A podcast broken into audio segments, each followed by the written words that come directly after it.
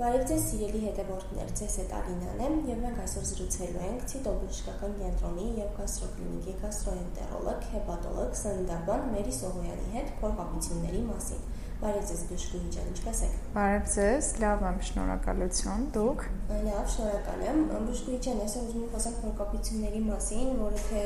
որպես իվանցիան հաղթանիշ կարող է դրսևորվել, թե ուղղակի ինչ որ այլ բաժաններից կախված կարող է մարտակման դրսևորվել փորկապություններ, կարծում եմ ակտուալ թեմա է։ Նախ հասկանանք ինչի իրենց ներկայացնում փորկապությունը։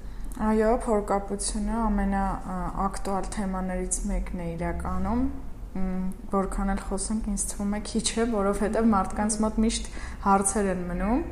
Ինչ է իրենից ներկայացնում փորկապությունը։ Փորկապությունը դա հազվադեպ դեֆեկացիաներն են, այսինքն երբ աղիները գործում են շաբաթական փոքր 3 անգամ եւ կամ պինդ կղանքի արկայությունը Եվ ցանկանում եմ շեշտել, որ աշխարհի բնակչության մոտ 15%-ը ունի այս խնդիրը եւ հիմնականում ավելի հաճախ հանդիպում է կանանց մոտ, հիմնականում մայրական թևով փոխանցվող, այսինքն ինքը իրականում շատ տարածված եւ արդիական հարց խնդիր է, այսպես ասած որոնք են առողջ մարդկանց մոտ փորկապության առաջացման պատճառները Եթե խոսում ենք փորկապության մասին եւ իր առաջացման պատճառների մասին, ապա առաջինը պետք է տարբերակենք առաջնային եւ երկրորդային փորկապություն։ Երկրորդային փորկապությունը որովե պատճառի հետևանք է, այսինքն երկրորդային դրսևորում է։ Եթե խոսենք առաջնային փորկապության մասին, այս հարցի շրջանակներում երևի խոսենք այդ մասին, ունի առաջնային փորկապությունը իր ենթատիպերը, այսինքն ունենք դիսիներգիկ դեֆեկացիաներ, դանդաղ տրանզիտով դեֆեկացիաներ, գրգռված աղու համախտանիշ, որը մեր օրերում նույնպես շատ տարածված է ֆունկցիոնալ, հա, հիվանդության խումբ է գրգռված աղու համախտանիշը, Այսինքն այս դեպքում երևի ավելի շատ պետք է խոսել առաջնային փորկապության մասին, ենթատիպերի, շատ չծանրաբեռնելու համար փորձեմ ներկայացնել ամեն մեկը մի փոքր։ Եթե խոսում ենք դիսիներգիկ դեֆեկացիաների մասին, ապա այդ դեպքում խոսում ենք, երբ որ որովայնի պատի առաջային մկանները, կոնքի հատակի մկանները, անորեկտալ մկանները իր համակարգված աշխատանքը չեն կատարում, եւ այդ դեպքում ունենում ենք փորկապություն, Եթե խոսենք դանդաղ տրանզիտով փորկապության մասին, ապա այն ժամանակահատվածը, երբ պետք է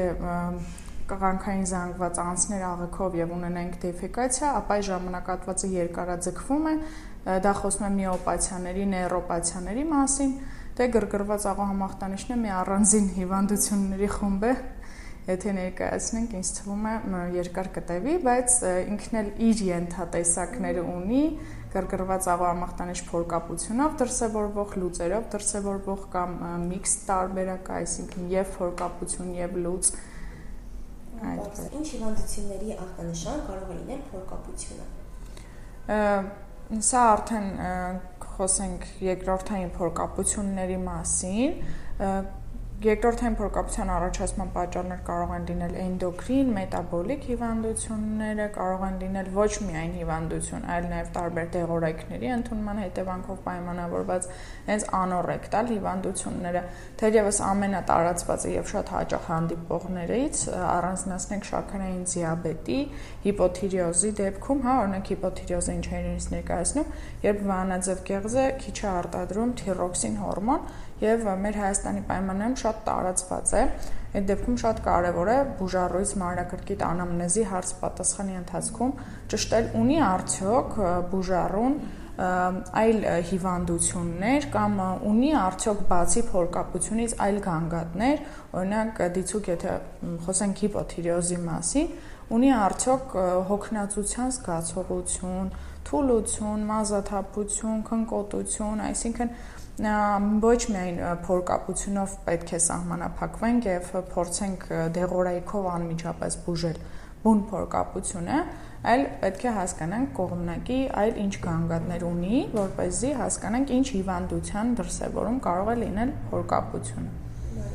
Երբ է պետք արդեն անհանգստանալ փորկապության դրսևորման դեպքում եւ դիմել բժշկի։ Փորկապության ընդհանրապես ոչ մի դեպքում որպես այդպեսին անհանգստանալ պետք չէ։ ուղակի ցանկալի է չզբաղվել ինքնագործունեությամբ, չզբաղվել ինքնաբուժությամբ, որովհետև երբեմն լինում է գալիս են արդեն բուժառուներ, ովքեր տարիներ շարունակ ընդունում են Սենադե, Սենադեքսին պրեպարատները, եւ այդ դեպքում արդեն իրենց օգնելը ավելի դժվար է լինում, ավելի բարդ է լինում, քան օրինակ այն բուժառուն, ով գալիս է եւ ասում է, «Ա նկատել եմ առաջին անգամ» եւ այլն Առաջինը խորհուրդ կտամ պահել օրագիր, որի մեջ կնշեն երբ է գործել աղիները, որովհետև երբեմն նշում են, որ շաբաթը գործել է օրինակ երկու անգամ, բայց երբ որ աղիների գործնության օրագիր են պահում, հասկանում են, որ չէ, ամեն դեպքում ավելի շատ է գործել, քան երկու անգամ։ Սկզբում փորձեն պահեն օրագիր, կանխարգելման մասին կխոսենք, ահա, հաջորդ հարցերի շրջանակներում, բուժում կանխարգելում առանձին կփորձեմ ներկայացնել, բայց երբ է ցանկալի դիմել բժշկի, երբ ունենք կյանքի որակի անկում։ Երբ ունենք անհանգստացնող գանգատ, որը թույլ չի տալիս նորմալ կազմակերպել մեր առօրյան։ Խոսենք արդեն կանխարգելման մասին, ինչպես կանխարգել ենք փոքրությունը։ Կանխարգելումը առաջին հերթին պետք է իրականացվի այսպես. պետք է հասկանալ նախ ունենք արդյոք որևէ այլ գանգատ ուղեկցող թե ոչ, այսինքն եթե միայն նկատում ենք, որ ունենք փորկապություն, ինչը պետք անել, պետք է սնման ռեժիմին հետևել պարտադիր, պետք է օգտագործել բջջանյութ պարունակող մեծ քանակությամբ սննդամթերքներ, միրգ, բանջարեղեն եւ այլն այն ամենը, ինչի մեջ կա մեծ քանակությամբ բջջանյութ։ Պետք է հետևել ջրի ռեժիմին պարտադիր, որը իրենից չի ներկայացնում խմել լիտրերով ջուր, չէ, ուղակի հետևել ջրի ռեժիմին, երբ ունենում ենք ծառավի զգացողություն, խմենք ջուր, հետևենք տոալետային ռեժիմին, մեր աղիները հիմնականում գործում են առավոտյան ժամերին, կամ մարդիկ կան, ովքեր նշում են, որ իմ աղիները գործում են երեկոյան ժամերին։ Այսինքն փորձում ենք ֆիքսել երբ է մեր աղիները սովորաբար գործում եւ ֆիքսված ժամերի գնալ զուգարան, ձևավորելով որոշակի տոալետային ռեժիմ, քանի որ ժամանակի ընթացքում մեր օրգանիզմը արդեն ինքը կպահանջի, որ այդ ֆիքսված ժամին մենք գնանք զուգարան, այսպես ասած ռեֆլեքսի ձևավորում կլինի Մյուս կարևոր կետը դա զուգարան գնալիս ոդքերի տակ աթոռակ դնելն է։ Այսինքն նորմալ դիրք ենք ապահովում, որ เป զի աղիները ավելի հեշտությամբ գործեն։ Այս ամենը փորձում ենք անել, այսինքն ռեժիմի կարգավորում, տոալետային ռեժիմի կարգավորում եւ այլն, եւ հետեւում ենք մեր օրգանիզմի աշխատանքին, այսպես ասած։ Եթե չենք նկատում դրական դինամիկա, ապա այդ դեպքում ցանկալի է դիմել բժշկի, հասկանալու համար ունենք արդյոք կենսակերպի փոփոխությունից զատ որևէ խնդիր, թե ոչ։ Այսինքն կներեք, այսինքն երբեմն լինում է անգամ ասում են շտկել ենք կենսակերպը, բայց երբ որ զրուցում ես բուժառուի հետ, հասկանում ես, որ ամենևին էլ շտկված չի կենսակերպը, միգուցե պետք է շտկել բժշկի հետ միասին։ Այսինքն թե սննդակարգի կարգավորումը, թե մնացած հարցերը։ Իսկ երբ արդեն դիմում են բժշկի, արդեն կապակցություն չի օգնել, ինչպես ենք բուժում փոխկապությունը։ Բուժումը առաջին հերթին արտադիր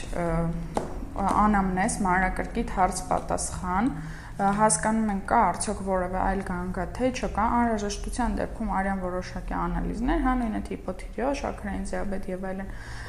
բարձելու նպատակով բացատրվում է կենսակերպը մանրակրկիտ, ինչպես պետք է հետևել կենսակերպի եւ ինչ փոփոխություններ անհրաժեշտ մտցնել կենսակերպի մեջ, որպեսզի ունենանք դրական դինամիկա։ Այնուհետև եթե այս ամենի հետևանքով չենք նկատում փոփոխություն տեղաշարժ, ապա էմպիրիկ բուժում 4-ից 8 շաբաթ հնարավոր է իրականացնել էմպիրիկ բուժում, բայց առաջինը հենց ոչ թե լուծողական դեղորայքների օգտագործումով, այլ բջջանյութ պարունակող հա հավելումներ, հա, ճիշտ է, այդպես է տարբերակով որ որովհետև միանգամից լուծողականներ լուծողականներ տալ ճիշտ չէ ու հենց օգտագործել առանց բժշկի խորհրդով միանգամից լուծողականներ դա նույնպես ցանկալի չէ եւ ցանկալի չէ տարբեր հոգնաների իրականացումը եւ այլ մարտիկ տարբեր